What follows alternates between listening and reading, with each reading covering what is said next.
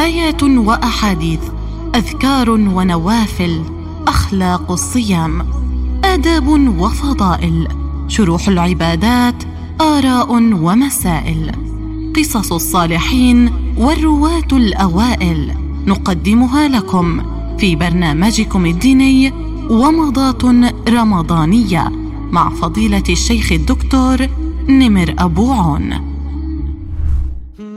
من آداب الدعاء. واحد إخلاص العبد في دعائه لله سبحانه وتعالى. اثنين الدعاء بالخير والبعد عن الإثم وقطيعة الرحم والاستعجال. ففي صحيح مسلم قال صلى الله عليه وسلم لا يزال يستجاب للعبد ما لم يدع بإثم أو قطيعة رحم ما لم يستعجل. ثلاثة حسن الظن بالله سبحانه وتعالى. فإن الله يجيب دعوة الداعي إذا دعاه. قال صلى الله عليه وسلم ادعوا الله وأنتم موقنون بالإجابة. قال عمر رضي الله عنه أنا لا أحمل هم الإجابة ولكن أحمل هم الدعاء. فمن ألهم الدعاء فإن الإجابة معه أربعة إطابة المأكل والمشرب والملبس حيث قال صلى الله عليه وسلم إن الله طيب لا يقبل إلا طيبا. وكذلك في رمضان تتجلى أوقات الدعاء المستجاب فمن الشفاه الذابلة